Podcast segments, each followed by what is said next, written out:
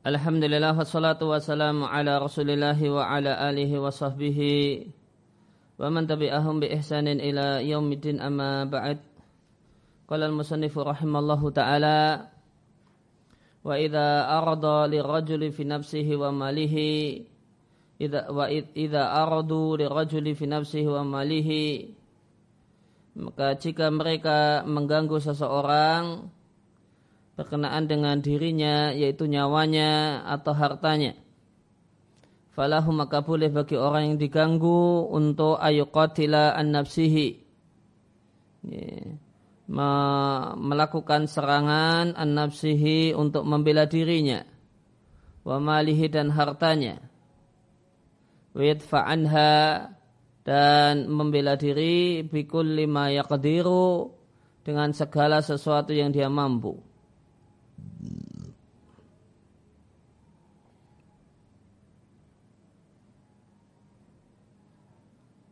Walaisalahu idha farakuhu dan tidak boleh bagi orang yang diganggu ketika mereka para pengganggu mening eh, meninggalkannya atau membiarkannya.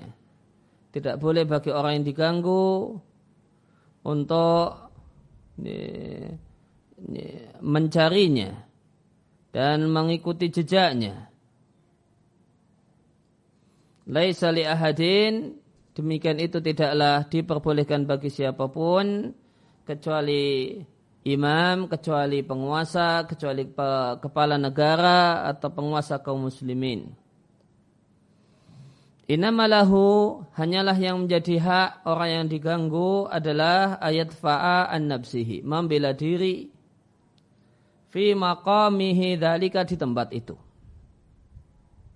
Wayanwi dan dia niatkan dengan segala kesungguhannya untuk Allah yaktula ahdan tidak menghabisi nyawa siapa pun.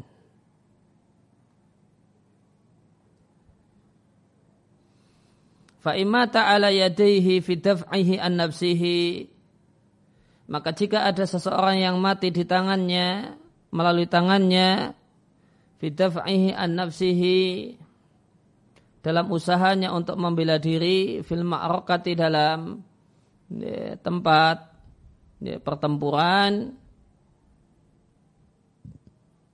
Fa'abadallahul maktula maka Allah jauhkan orang yang terbunuh yaitu orang yang menyerang orang yang mengganggu. Allah jauhkan dari kasih sayangnya.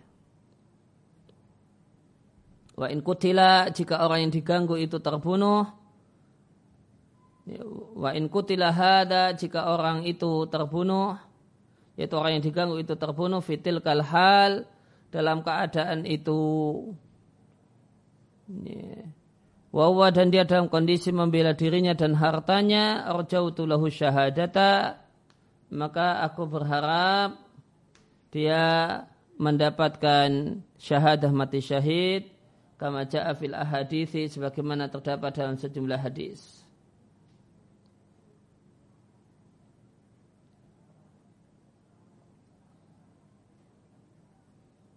Nah, e, itu matanya. Kemudian di penjelasannya di halaman 80 disampaikan oleh pensarah hafizallahu taala, "Hadza wal qismul awwalu."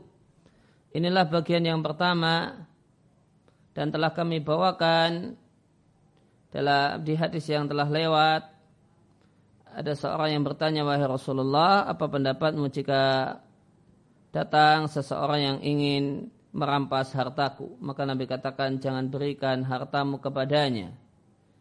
Apa pendapat wahai Nabi jika dia menyerangku? Nabi katakan qatilhu, serang dia. Kemudian orang tersebut berkata, apa pendapat wahai Nabi jika dia membunuhku? Maka Nabi sampaikan engkau mati syahid. Apa pendapatmu jika aku membunuhnya? Nabi katakan huwa finar, dia di neraka. Wahina maka pada saat itu ya juzulahu boleh baginya untuk menyerang dalam rangka membela dirinya dan hartanya dan membela dirinya dengan segala sesuatu yang mampu dia lakukan. Adapun jika mereka tidak menyerang duluan, maka tidak boleh baginya ayukatilahum menyerang mereka ibtidaan duluan.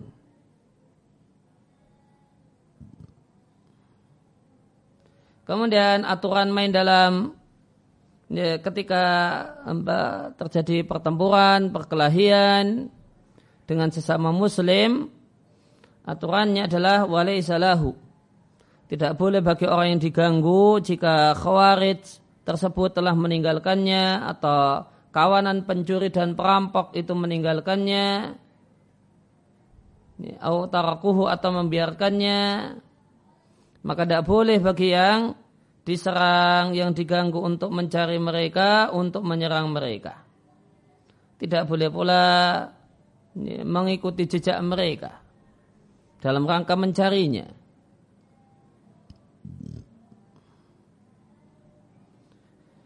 Maka ini laisa dalika li ahadin, hal tersebut tidak boleh bagi siapa pun min afradin nasi, anggota masyarakat.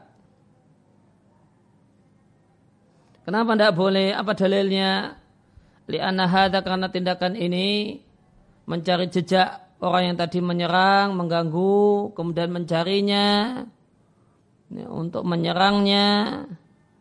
Maka ini termasuk dalam umumin nusus. Ya, dalil-dalil nas yang bersifat umum yang melarang memerangi sesama kaum muslimin.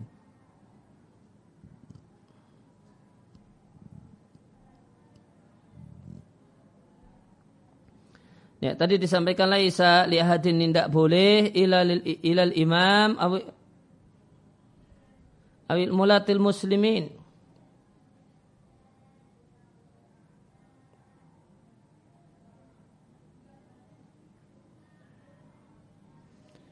Maka pensara menyampaikan karena imam al-a'zam kepala negara yusra'lahu disyariatkan baginya untuk mengadakan dialog dengan khawarij kemudian mengutus orang untuk menemui khawarij untuk melihat alasan apa yang mereka miliki sehingga melakukan penyerangan dan tindakan onar.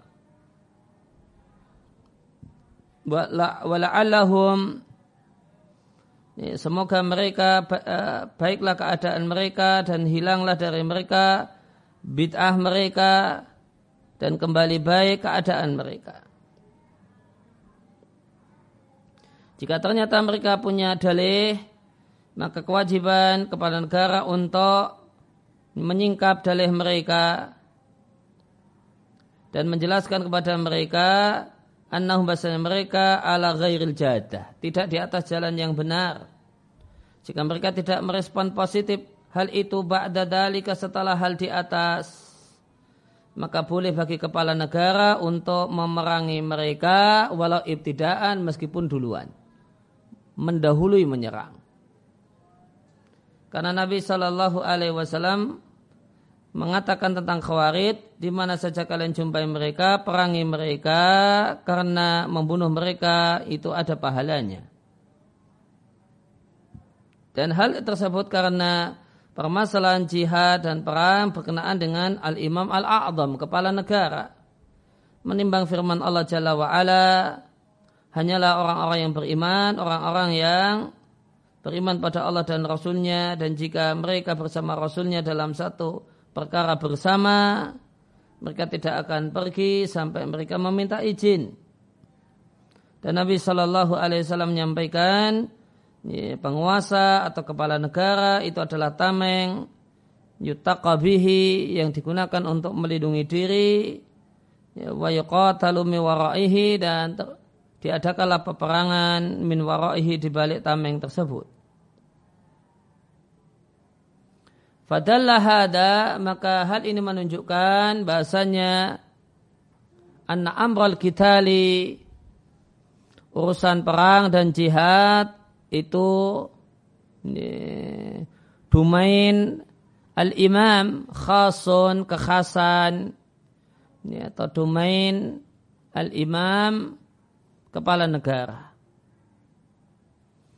Walidhalika oleh karena itu di halaman 81 kepala negara lah yang mengadakan perjanjian dan mengadakan ittifak kesepakatan dengan musuh-musuh kaum muslim yaitu orang kafir untuk berhentinya perang selama jangka waktu uh, jangka waktu tertentu. Nah, hal ini perjanjian damai semacam ini laisa kali ahadin. Tidak boleh dilakukan oleh sembarangan orang yang cuma min afrodin nas, cuma anggota masyarakat biasa. Adapun hukum khusus al-hukmu adzati, hukum khusus lil afrad untuk ya, rakyat jelata, untuk umumnya anggota masyarakat adalah diperbolehkan membela diri idza sala alaihim sa'ilun. Jika ada penyerang yang menyerangnya, baik itu kawanan pencuri atau perampok atau khawarij. Maka pada saat itu ketika diganggu dan diserang, maka anggota masyarakat boleh seorang anggota masyarakat boleh membela diri fi muqabili menghadapi hal tersebut dan dia berupaya dengan sepenuh kuat tenaga untuk tidak membunuh siapa pun. Maka idza ata alaihi fi taf'ihi an nafsihi jika dia orang yang diganggu itu bisa ya, mengalahkannya yakni qatalahu berhasil membunuhnya pada saat dia membela diri di di pertempuran maka Allah akan maka sungguh Allah jauhkan dari kasih, sayangnya al maktula orang yang terbunuh.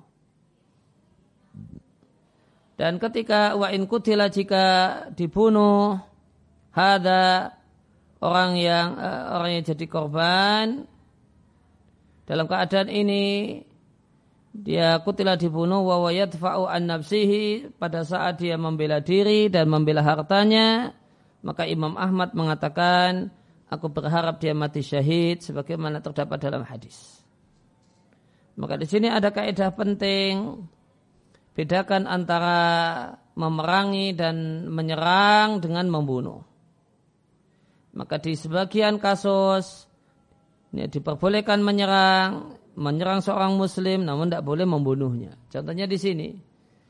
Ya, jika diserang oleh sa'il, oleh orang yang menyerang, maka orang yang diserang boleh menyerang balik, namun hukum asalnya tidak boleh membunuh.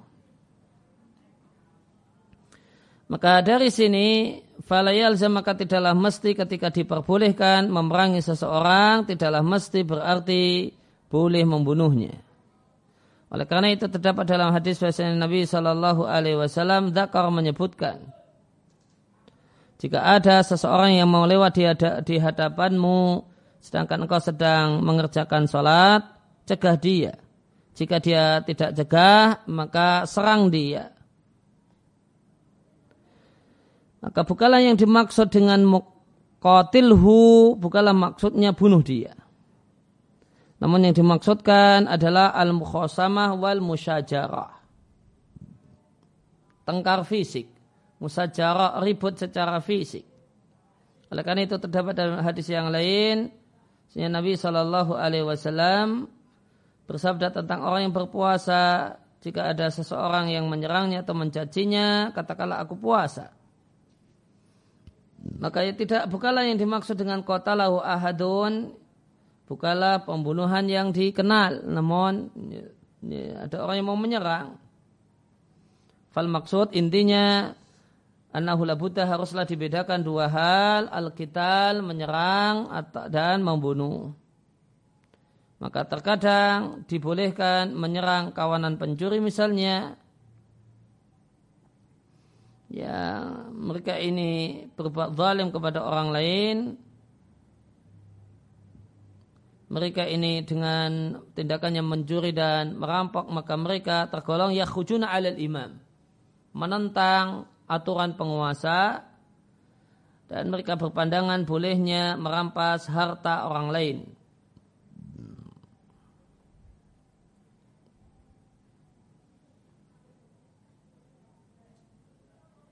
Wakadhalika demikian juga rombongan pencuri atau perampok yang ketahuan tariqah yang merampok maka mereka-mereka ini boleh diperangi. Dan jika kubitu mereka tertangkap, fakat boleh jadi maka sungguh mereka tidak berhak untuk dibunuh. Bahkan terkadang mereka haknya adalah di diusir saja, dibuang saja, atau maknanya dipenjara menurut sebagian ulama, atau dipotong tangannya fakot saja biduni kotlin tanpa pembunuhan. Maka hal ini menunjukkan bedanya kita sama qatl Mereka perampok ini boleh dikital, namun kalau kotel belum tentu boleh. Tergantung bentuk kejahatan yang mereka lakukan. Ada yang kejahatannya cuma berdampak pengusiran atau pembuangan, masukkan penjara, ada yang berdampak eh, potong tangan dan yang lain.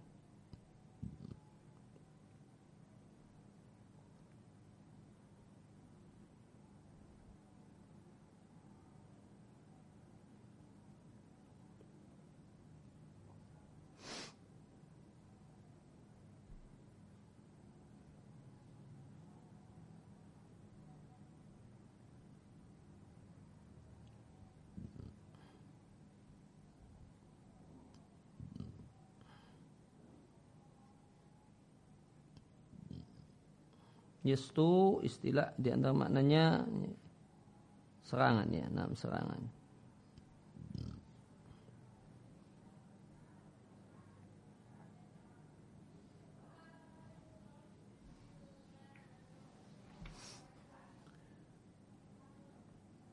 Nah, kemudian uh, masih penjelasan selanjutnya di halaman 82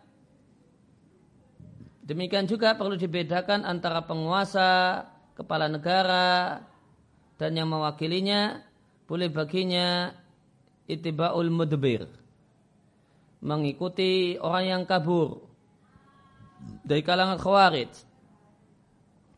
Wabainal fardi dan rakyat jelata anggota biasa dari masyarakat tidak boleh baginya mengikuti orang yang menyerangnya tadi jika mereka telah bubar meninggalkannya.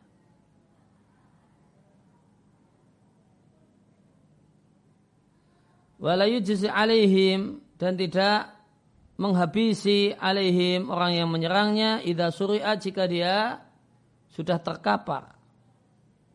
Walau karena jarihan meskipun dia dalam keadaan terluka.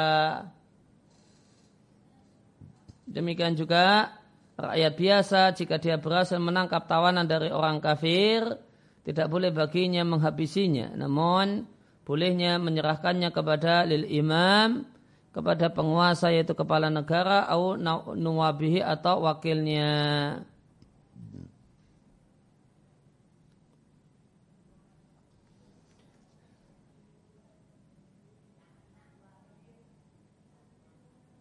Nah, atau kita baca terlebih terlebih dulu matanya. Ya, qala al-mu'allif rahimallahu taala wa jamil athar fi, fi hada dan semua riwayat dalam masalah ini inama umira bi kitalihi. Hanyalah diperintahkan untuk menyerangnya dan tidak di, menyerang orang yang mengganggunya walam yu'mar dan tidak diperintahkan untuk membunuhnya. Tidak pula mengejarnya. Wala yujzi alaihi dan tidak boleh menghabisinya in suri'a jika dia telah terkapar. Ini kawanan perampok yang mau ya, merampas harta kita atau mau membunuh kita. Kita berhasil e, mengalahkannya sehingga dia terkapar dalam keadaan terluka atau yang lain. Ya, maka dalam kondisi ini jika kita rakyat biasa secara aturan kita tidak boleh menghabisinya. Insuri'a jika dia terkapar aukana jarihan atau terluka. Wa in akhodahu asiran dan jika dia bisa menangkapnya sebagai tawanan, tidak boleh baginya membunuhnya dan menegakkan hukuman had padanya. Namun yarfa'u amro dia laporkan kasus tersebut kepada penguasa yang Allah berikan kekuasaan padanya. Fayahkumu lantas penguasa menetapkan hukum fihi untuk orang itu.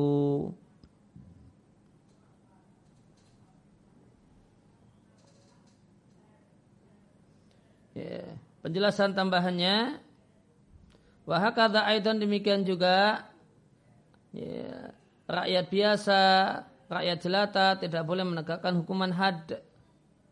Innamal ladzi yuqimul hududa humul a'immatu.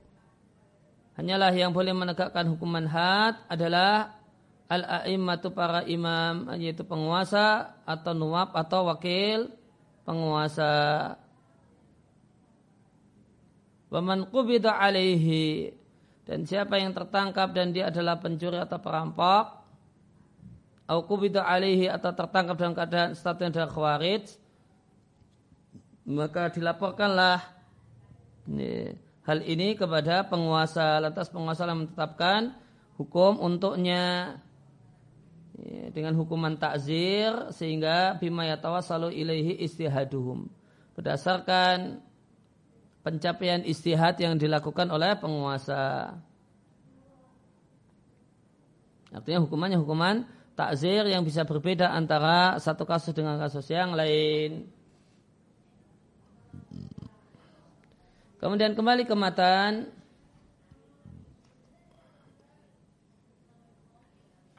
Wala nasyadu ala ahadin dan kami ahlu sunnah tidaklah memastikan seseorang min ahli kiblat ahli kiblat sama dengan muslimin.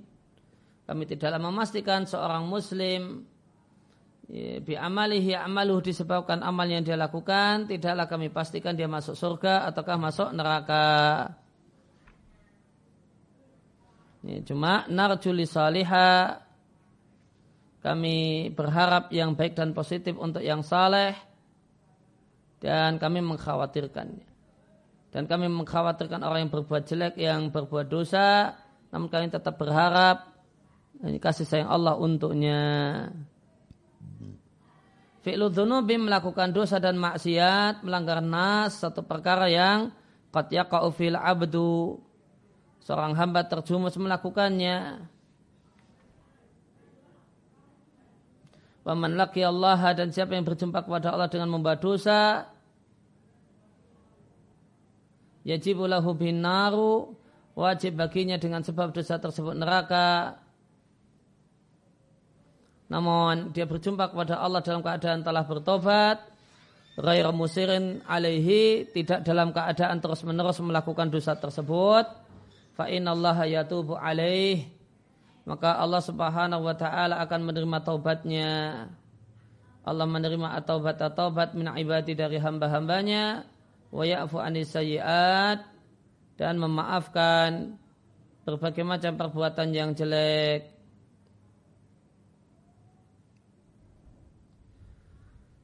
Waman laqiyau dan siapa berjumpa dengan Allah dalam kondisi telah ditegakkan padanya hukuman had dosa tersebut di dunia maka hukuman hati itu adalah kafar untuknya. Sebagaimana kama jaa fil khabari sebagaimana terdapat dalam hadis dari Rasulullah sallallahu alaihi wasallam.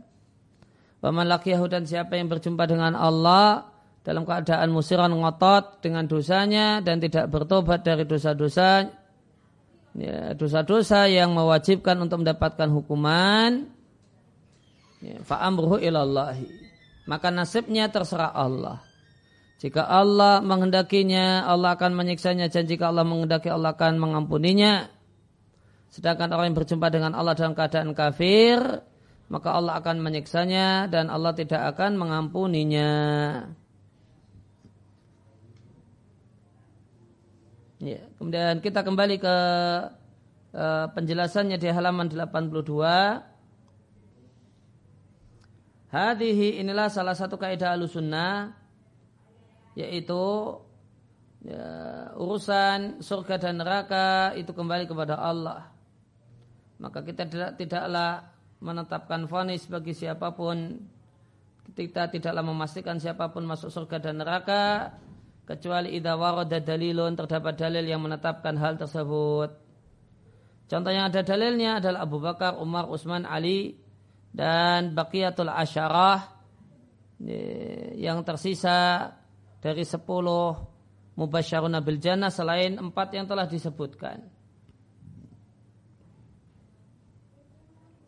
Ya, maka ada istilah asra mubasyaruna bil jannah sepuluh orang yang dikabarkan sebagai penghuni surga dalam satu rangkaian hadis. Empat di antaranya adalah Khulafa Rashidin, kemudian ditambah dengan Abdurrahman bin Auf dan Sa'ad bin Abi Waqqas, Tolha ibn Ubaidillah, Az-Zubair ibn Awam,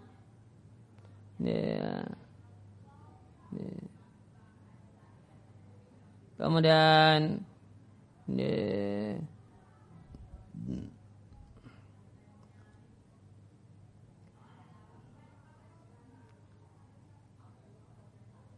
uh, Abu uh, kemudian ada Said bin Zaid. Ya, kemudian ada Abu uh, Abu Ubadah ya, itu uh, disebut dengan asrah mubasyaruna bil jannah. Abu Badah Amir ibn Jarrah ya. Ya, maka 10 orang tersebut adalah asrah mubasyaruna bil jannah. Dan manusia yang paling mulia dari umat ini setelah nabinya adalah Khulafa Rashidin yang empat, kemudian enam yang tersisa dari asrah mubasyaruna bil jannah. Ja'a fi nusus terdapat dalam nas mereka-mereka ini adalah penghuni surga. Maka kita tetapkan surga dan kita uh, nukiru mengikrarkannya.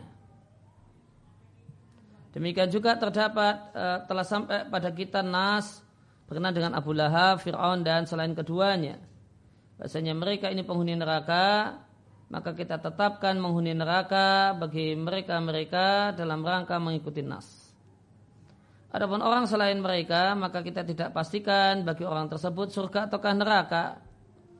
Hanyalah kami katakan pastinya itu terserah Allah Azza wa Jalla. Walau karena meskipun dia kot kot alal muslimin telah memerangi kaum muslimin, telah dulu, uh, menghalangi agama Allah, wa in kunna naqafu alaihi meskipun kita mengkhawatirkan nasibnya di akhirat, dan kita sangka kalau dia adalah penghuni neraka namun kita tidak memastikan bidalika masuk neraka. Inilah pendapat mayoritas alusunnah wal jamaah. Jika ada yang bertanya, orang itu seorang mukmin yang bertakwa, yang taat, bagaimanakah kenapa anda tidak pastikan surga baginya padahal dia telah menyembah Allah 100 tahun lamanya, menyebarkan ilmu, menyebarkan agama, Sholat kalau di malam hari, puasa kalau di siang hari, menyambung kekerabatan. Dia adalah orang yang baik akhlaknya, bagus kata-katanya dan semacam itu. Maka kami katakan di halaman 83, orang ini kami harapkan baginya kebaikan dan surga.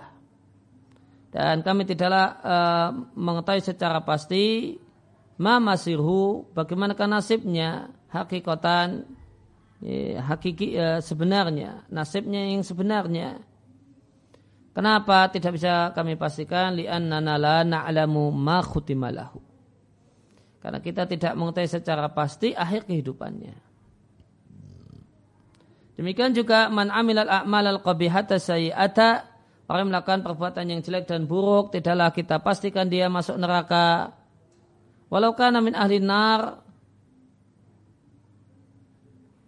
Walau kana ahli kufri meskipun dia orang kafir dan dia telah melakukan berbagai macam perbuatan yang telah dia lakukan, nakilu amrohu ilallah. Tetap kita serahkan urusannya, nasib akhirnya kepada Allah. Ini berkenaan dengan ahkamul akhirah, hukum akhirat. Wa in kunna fi ahkami dunia, meskipun dalam hukum dunia kami uh, kita tetapkan Bahasanya orang yang pertama, orang yang rajin sholat, rajin puasa, beribadah pada Allah dan seterusnya. Meskipun dalam ketentuan dunia, nahkom, kami pastikan bahasanya orang yang pertama adalah muslim, lahu baginya ketentuan-ketentuan orang Islam, sedangkan yang kedua adalah orang kafir, baginya ketentuan-ketentuan orang kafir.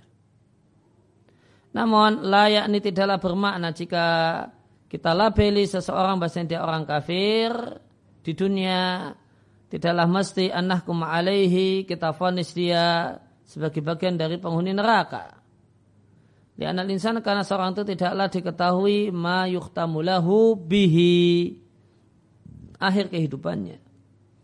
Sebagaimana terdapat hadis di salah satu hadis di Arba'in Nawawiyah, Inna rajulasnya seorang itu sungguh beramal dengan amal penghuni neraka, sampai tidak ada antara dia dengan neraka kecuali satu hasta, namun kita catatan takdir itu mendahuluinya sehingga dia beramal dengan amal penduduk surga, lantas dia masuk surga. Ya, pembahasan sebagian ulama mengatakan kami tetapkan surga untuk orang yang taat. Lantas beliau berdalil dengan hadis Tilkum orang itu asnaitum alaihi khairan kalian puji-puji maka wajib baginya surga. Sedangkan itu orang yang kalian jelek-jelekkan wajib lahu nar maka wajib baginya neraka. Nah berkenaan dengan hadis ini maka kata sesaat asatri lakinna hada fi qadiyati ainin. Namun ini kasuistik. Sedangkan kaidah umum menunjukkan ala khilafi hada menyelisih hal ini. Wal kaidah itu kaidah mengatakan bukanlah satu hal yang baik kita tinggalkan kesimpulan yang bersifat umum yang itu ada berdasarkan banyak nas dalam rangka sebuah nas yang itu fi qadiyati ainin membahas kasus tertentu. Maka kaidah mengatakan bahasanya qadiyatu ainin itulah umum malah. Ya, kasus uh, ya, sebuah uh, kasuistik itu tidak boleh digeneralkan.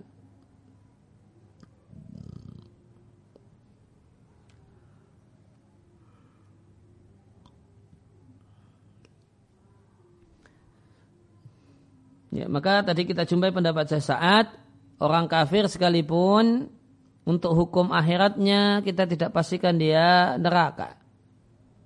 Cuma hukum dunianya ya tetap berlaku padanya ketentuan-ketentuan orang kafir.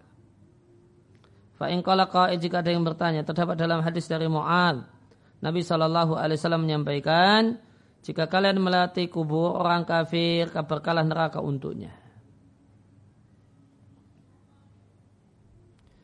Maka jawaban kami yang benar hadis ini tidaklah marfu sampai Nabi Shallallahu Alaihi Wasallam. Ya, hadis ini ya, warda datang dari empat jalur, tiga darinya mauquf, satunya mausul. Dan e, versi mauquf itu yang lebih tepat daripada yang mausul. Karena itu memarfukannya kepada Nabi adalah salah sangka dari perawi yang bersendirian meriwayatkan secara marfu'.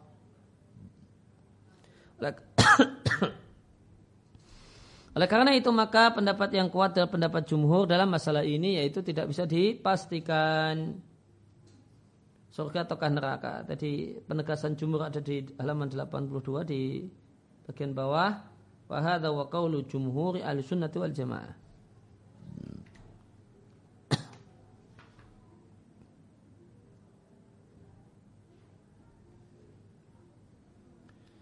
Kemudian wanarjulau rahmah. Ya, yakni artinya orang yang gemar melakukan maksiat tetap diharapkan agar Allah mengampuni dosanya karena Allah Ta'ala berfirman sehingga Allah tidaklah mengampuni dosa kemusyrikan dan mengampuni dosa yang dunadalika ya, di bawahnya hal tersebut bagi siapa saja yang dia kehendaki. Maka kita harapkan orang yang berbuat jelek Allah ampuni dosanya dan dia termasuk tahtal masyiat terserah Allah huna dalam hal ini. Ya, kemudian uh, penjelasan selanjutnya al-ibad ala aksamin manusia itu terbagi menjadi beberapa kategori jika dibagi berdasarkan ma fa'aluhu minadh dhunubi wal ma'asi dosa dan maksiat yang mereka lakukan. Ya. Macam yang pertama adalah orang yang bertobat dari dosa, maka Allah akan menerima tobatnya dan menghapus dosanya. Bahkan Allah akan ganti kejelekannya dengan amal kebajikan. Dan ini adalah di antara bagian dari kasih sayang Allah Al-Aziz Ar-Rahim. Zatnya maha perkasa lagi maha penyayang. Sebagaimana firman Allah Ta'ala, Wa inilah ghafarun. Sungguh aku mengampuni bagi siapa saja yang bertobat dan beriman dan beramal saleh. Tummah tada kemudian dia mendapatkan petunjuk dengan mengamalkannya. Dan firman Allah Jalla wa'ala dan orang-orang yang tidak menyeru dan tidak berdoa dan tidak beribadah di samping kepada Allah ilahan akhar sesembahan yang lainnya tidak menghilangkan nyawa yang Allah haramkan kecuali dengan alasan yang benar dan tidak berzina siapa yang melakukan salah satu hal tersebut maka dia yalqa asama ya, menjumpai maka dia melakukan dosa. Dilipat gandakan untuknya ada pada hari kiamat. Wa fihi dan dia kekal dalam adab tersebut muhana dalam keadaan hina. Kecuali orang yang bertobat dan beriman dan melakukan amal saleh maka mereka-mereka itulah orang-orang yang Allah akan akan ganti kejelekannya dengan kebaikan. Wa Allah ghafurur rahima. Dan Allah adalah zat yang maha pengampun lagi maha penyayang dan Nabi Shallallahu Alaihi Wasallam bersabda, wa yatubullahu ala mantab. Dan Allah Subhanahu Wa Taala menerima tobat orang yang sungguh-sungguh bertobat.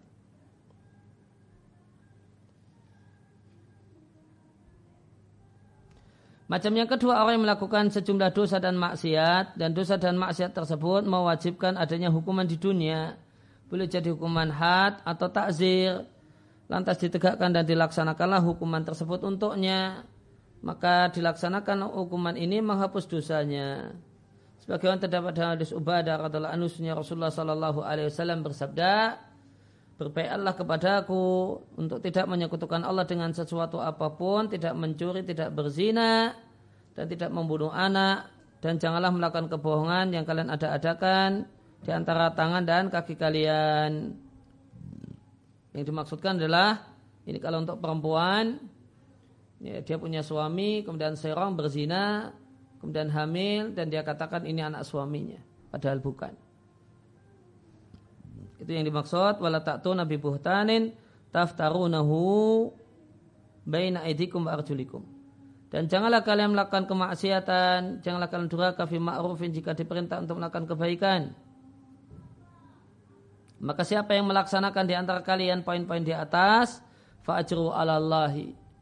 Maka Allah tetapkan bahasanya pahala yang besar untuknya jadi uh, urusan Allah Subhanahu wa taala menjadi tanggung jawab Allah Subhanahu wa taala untuk memberikan padanya pahala yang besar. Waman asaba min dalika syai'an dan siapa yang melanggar salah satu dari hal di atas fauqiba fid dunya kemudian dia mendapatkan hukuman di dunia maka itu penghapus dosa untuknya.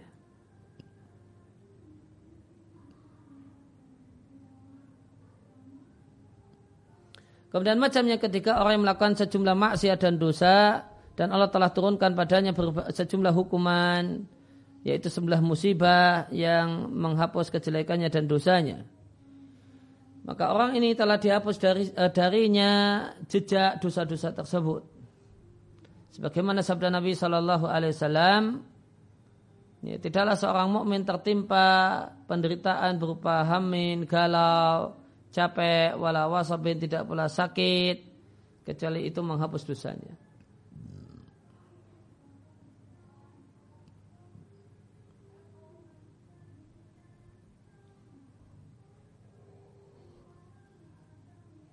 Kemudian macam yang keempat, kategori yang keempat orang yang melakukan sejumlah dosa dan maksiat dan Allah mudahkan untuknya manjada'ulahu orang yang mendoakan kebaikan untuknya dan bersedekah atas nama dirinya maka pada saat itu boleh jadi Allah Jalla wa'ala menghapus dosa dan maksiat tersebut disebabkan doa orang yang mendoakannya dari anak-anaknya dan yang lain.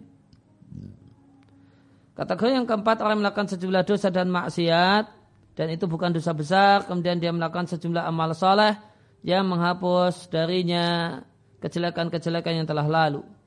Maka Allah Jalla wa'ala akan menghapus dan menutupi tilka dhunuba wal ma'asi dosa dan maksiat itu. Sebagaimana firman Allah Ta'ala, Inal hasanati yudhibuna sayiat Ya, amal kebajikan itu menghapus amal kejelekan. Dan firman Allah Ta'ala, Jika kalian menjauhi dosa-dosa besar yang dilarang untuk kalian, kami hapuskan untuk kalian kejelekan kalian.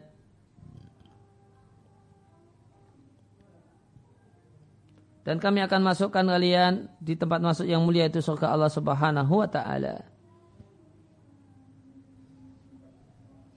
Kemudian kategori yang keenam, orang yang melakukan sebelah dosa yang orangnya berhak untuk masuk neraka, kemudian dia tidak bertobat darinya, dan belum melakukan hal-hal yang menghapus dosanya. Maka orang ini termasuk tahtal masyiat terserah nasibnya, tahtal masyiat terserah kehendak Allah. Jika Allah berkehendak Allah akan menyiksanya, dan jika Allah berkehendak Allah akan menyayanginya dan mengampuni dosa-dosanya. Dan meskipun ada dua kemungkinan ini, tetap pada akhirnya Allah Jalla wa'ala akan menjadikan akhir nasibnya adalah menuju surga penuh kekekalan. Di enam karena mereka minal muslimin dari kaum muslimin dan kaum muslimin itu pasti menghuni surga. Di antara contohnya adalah memutus kekerabatan. Nabi Shallallahu Alaihi Wasallam menyampaikan jannata qati' Orang yang memutus kekerabatan tidak akan masuk surga. Sebagaimana sabda Nabi Shallallahu Alaihi Wasallam tentang orang yang menebarkan namimah. Adu domba, Nabi katakan tidak akan masuk surga kota atau orang yang menebarkan uh, kebencian dan uh, menebarkan namimah.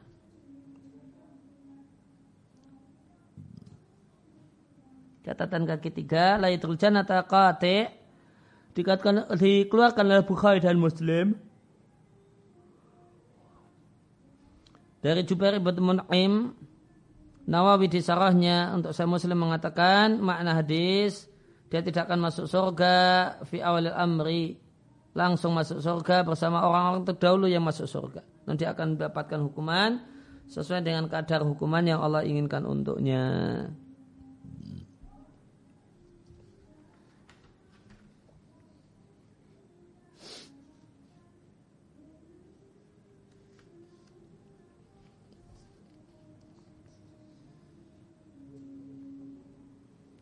Ya, kemudian makna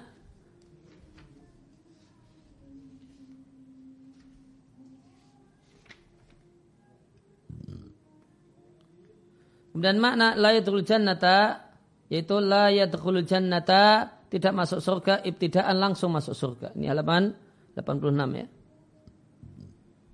Wa illa meskipun tidak langsung masuk surga fa inna masirahu nasibnya dia akan masuk surga maka bedakan antara langsung masuk surga dan pasti masuk surga. Wa itu lihat adalah halnya adalah firman Allah Ta'ala. Dan Allah tidaklah mengampuni dosa kemusyrikan yang dibawa mati dan mengampuni dosa yang levelnya di bawah kemusyrikan bagi siapa saja yang telah Allah kehendaki. Dan telah kita bahas dan telah kita baca dalam hadis syafaatku untuk pelaku dosa besar dari umatku.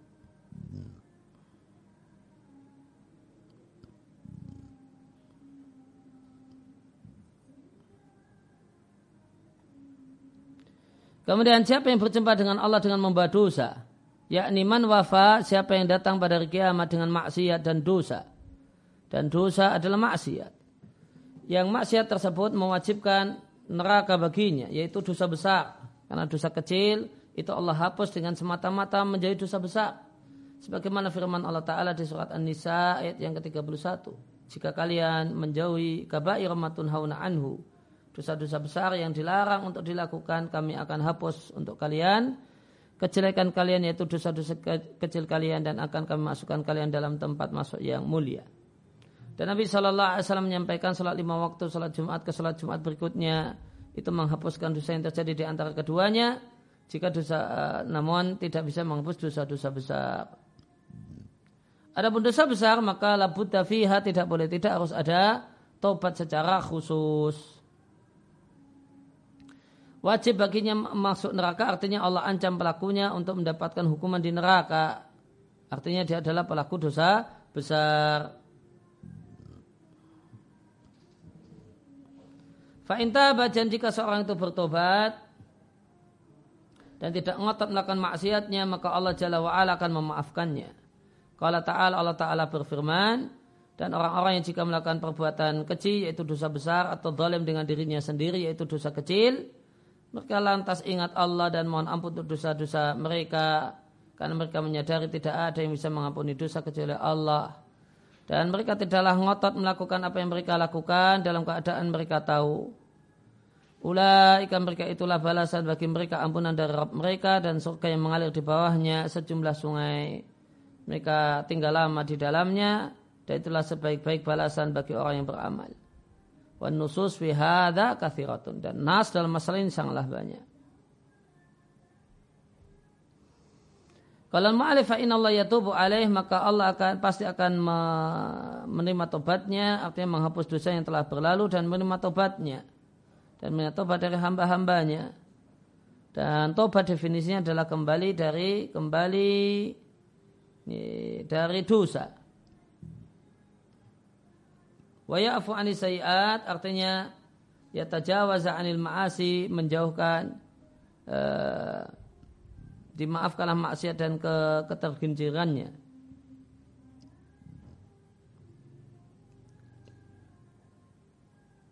Ini penjelasan untuk siapa yang berjumpa dengan Allah dengan membawa dosa. Yajibulahu bihan nara. Yang dosa tersebut menyebabkan dia wajib masuk neraka itu dosa besar dan yang dimaksud dengan wajib adalah terancam diancam dengan neraka. Dalam keadaan bertobat dan tidak dalam keadaan masih ngotot melakukannya, maka Allah akan menerima taubatnya. Karena Allah menerima taubat dari hamba-hambanya dan memaafkan kejelekan.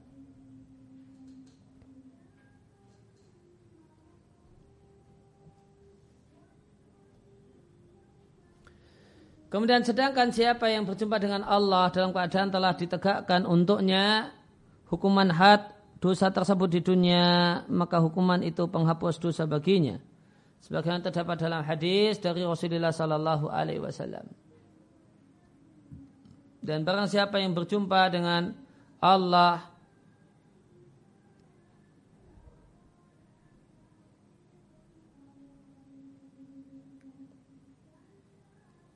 Dan barang siapa berjumpa dengan Allah dalam keadaan musiran ngotot melakukan satu dosa dan belum bertobat dari dosa eh, yang berhak untuk mendapatkan hukuman, maka nasibnya terserah Allah. Insya'a adzabau jika Allah berkehendaki Allah akan mengadabnya dan jika Allah berkehendaki Allah akan mengampuninya. Sedangkan siapa yang berjumpa Allah dalam keadaan kafir, pasti Allah akan mengadabnya dan tidak akan pernah mengampuninya. Ya, penjelasannya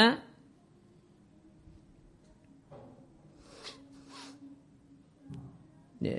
Fa'inal hududa maka hukuman had cambuk bagi peminum khamar, cambuk bagi pezina yang belum menikah, itu semua adalah kafarah, penghapus dosa. Artinya dengannya Allah menghapus ya, menghapus dari seorang hamba mafa'alu minal maksiat maksiat yang dia kerjakan. Laqiyahu ay yakni yaqi Allah, siapa yang berjumpa dengan Allah. Musiran ngotot dengan maksiatnya tidak bertobat dari dosanya. Alati dosa yang dosa tersebut adalah bagian dari sebab untuk mendapatkan hukuman. Maka nasibnya kembali kepada Allah jika Allah menghendakinya, Allah mengazabnya, kemudian tempat kembalinya ke surga, dan jika Allah berkehendak Allah mengampuninya dan memasukkannya ibtidaan langsung al jannata ke surga. Adapun orang kafir maka dia tidak akan masuk surga.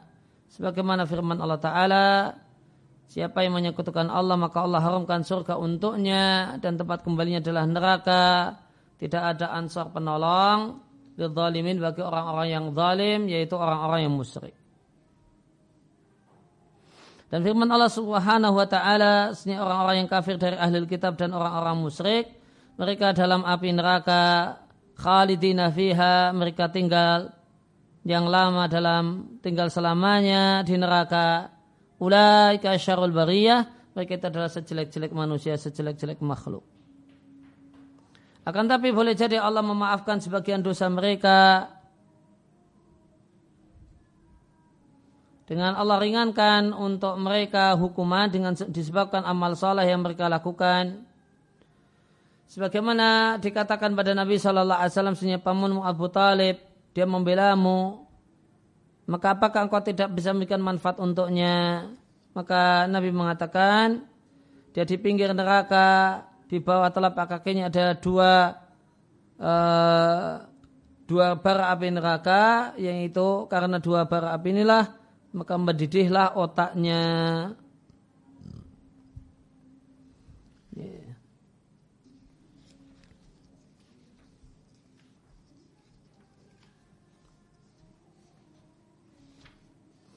Nah, kemudian uh, kembali ke matan. Warajamu hakun alaman zana wa qad uhsina. Rajam itu benar adanya bagi orang yang berbuat zina dan dia muhson. Idza tarafa aqamat ali bayinatun. Jika dia mengakui kalau berzina atau telah ditegakkan padanya bukti yaitu empat orang saksi. Rasulullah Shallallahu Alaihi Wasallam sungguh telah merajam. Demikian juga para a'immah ar-rasyidun, para khulafa'ur rasyidin.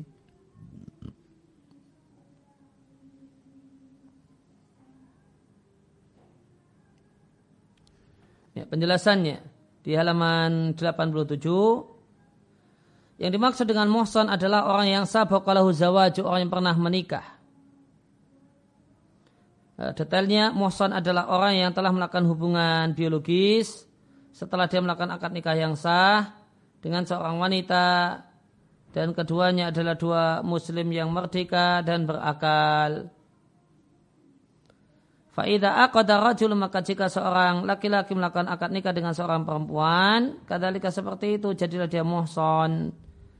Jika dia berzina, wajib baginya rajam sebagaimana Nabi Shallallahu Alaihi Wasallam merajam Ma'is al Aslami dan merajam dua orang Yahudi laki-laki dan perempuan yang berzina Nabi juga pernah merajam wanita dari Romidiyah. Nabi juga pernah merajam wanita dari kabilah uh, Juhaniyah dan semacam itu. Ya, maka Muson tadi disampaikan telah melakukan akad nikah, eh, telah melakukan jima dalam akad nikah yang sah. Ya, dalam keadaan dia merdeka dan berakal.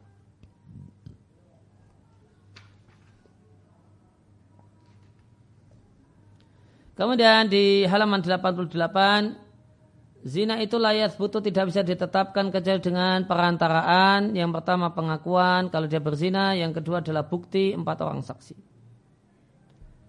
Itiraf artinya ayu kira mengakui kalau dia telah berzina, dia telah memasukkan zakarnya dalam farji seorang wanita, sehingga dia telah menghilangkan hasyafahnya.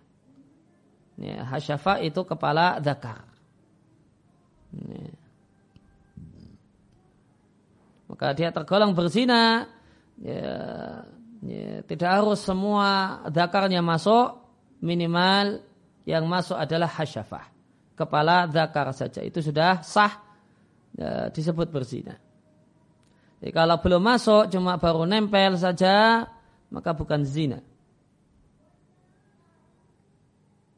Dan jika seorang yang tidak punya kepala zakar, maka para ulama fikih mengatakan ya, dia disebut zina ketika masuk ke dalam farji itu seukur kepala zakar. Atau memberikan saksi yang memberatkannya empat orang saksi. Dia memberikan persaksian annahu qad fa'ala dalika. Dia kalau telah melakukan itu zina. Dan mereka menegaskannya. Famata maka jika telah tegak al bayinatu bukti itu empat orang saksi atau terwujud al itirafu pengakuan maka pada saat itu ia butuh rajamu ada hukum rajam. Dan rajam dan merajam telah dilakukan oleh Nabi Shallallahu Alaihi Wasallam.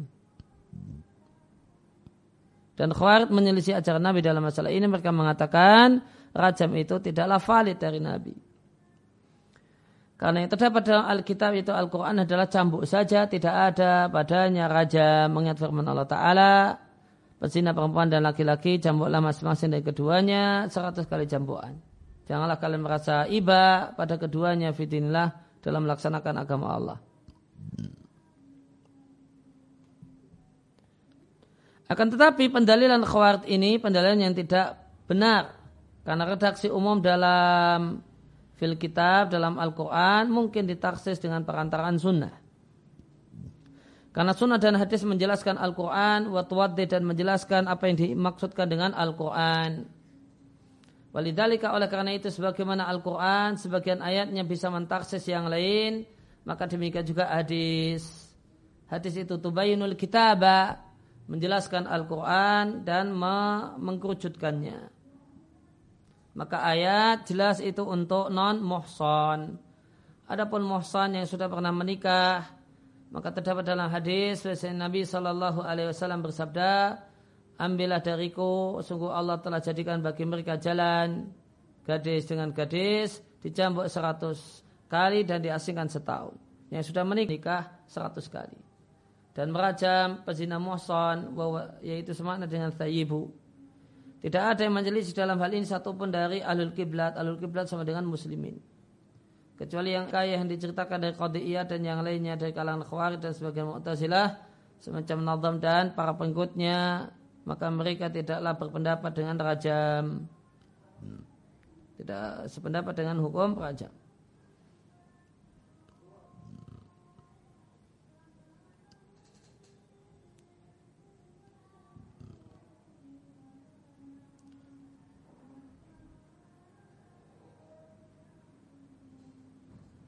Nah, kemudian kembali ke sedikit ke matan.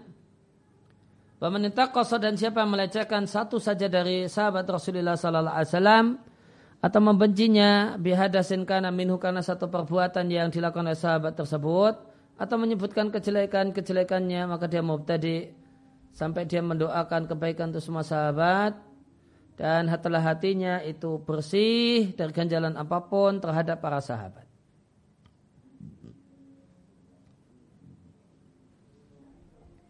Maka mu'alif uh, uh, rahimahullah taala menyebutkan di sini hal yang berkenaan dengan kedudukan para sahabat Rasulullah sallallahu alaihi wasallam. Menjadi kewajiban kita menghargai mereka dan mengakui kedudukan mereka. Terdapat dalam hadis bahasa Nabi sallallahu alaihi wasallam subah dicaci ingdahu dan di dekatnya adalah ada sejumlah sahabat.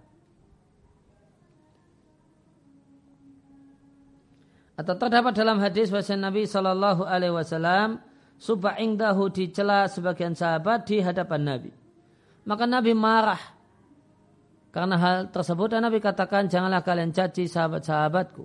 Seandainya salah satu kalian menginfakkan emas sebesar Uhud itu tidak sebanding dengan satu mutnya mereka tidak pula setengah mutnya. Waktu ja'atin nusus dan terdapat sejumlah nas menyanjung para sahabat Rasulullah Sallallahu Alaihi Wasallam. Dalilnya firman Allah Taala, Muhammad utusan Allah dan orang-orang yang bersamanya keras dengan orang-orang kafir dan penyayang di antara orang-orang yang beriman.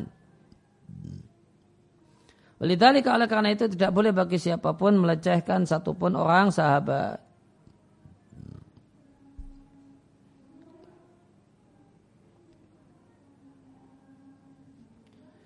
Wa sahabati Adapun keributan yang terjadi di kalangan para sahabat maka itu setiap mereka. Bagi yang benar untuknya dua pahala yang salah untuknya satu pahala. Ala mamada sebagaimana telah lewat. Wa taqaddama ma'ana dan telah kita telah kita bahas telah kita singgung sangat untuk rafidah untuk syiar rafidah dan orang-orang mengikuti jalan mereka Alladzina yaqdahuna yang melecehkan dan mencela para sahabat Rasulullah sallallahu alaihi wasallam. Ya, maka di surat Al-Fatah sifat orang-orang yang beriman itu keras dengan orang kafir, kasih sayang di antara sesama orang yang beriman.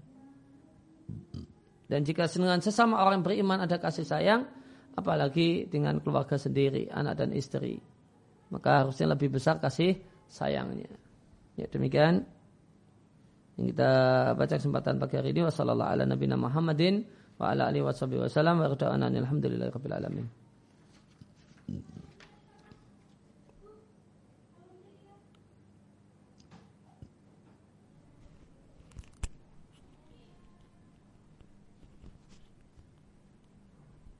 Ada pertanyaan? Ada satu. Baik, uh, Bismillah, Assalamualaikum warahmatullahi wabarakatuh. Waalaikumsalam warahmatullahi wabarakatuh.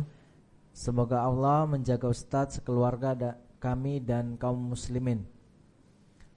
Ustadz bagaimana menghukumi di dunia orang yang jarang menampakkan tanda Islam pada dirinya? Ya, maka perlu dirinci apa yang dimaksud dengan tanda Islam pada dirinya. Jika yang dimaksudkan dia tidak pernah sholat lima waktu, ya, maka sikap kita untuk hukum dunia adalah yang tepat, dia bukanlah muslim. Nah. Baik, uh, kemudian yang kedua, Assalamualaikum warahmatullahi wabarakatuh. Waalaikumsalam warahmatullahi wabarakatuh. Semoga Ustadz selalu diberi kesehatan dan lindungannya. Amin. Ustadz, apa ciri seorang yang menganggap Al-Quran sebagai makhluk? Ya, uh, cirinya dia mengatakan bahasanya Al-Quran tidak sakral, dia tidak bukanlah sesuatu yang suci, dia misalnya dia katakan yang suci adalah pesan di balik teks, adapun teks yang enggak suci. Karena uh, ada ungkapan semacam ini mengisyaratkan kalau dia berpandangan bahasanya teks uh, redaksi Al-Quran itu makhluk, sehingga sama dengan kita sama-sama makhluk. Ya, maka jangan uh, dia katakan jangan apa ya, pertuhankan teks gitu. Ya, karena teks itu makhluk, sama dengan kita sama-sama makhluk. Ya, atau kalimat-kalimat semacam itu. Nah, demikian sudah. Subhanakallahumma bihamdika asyhadu an la ilaha illa anta astaghfiruka wa atubu ilaik.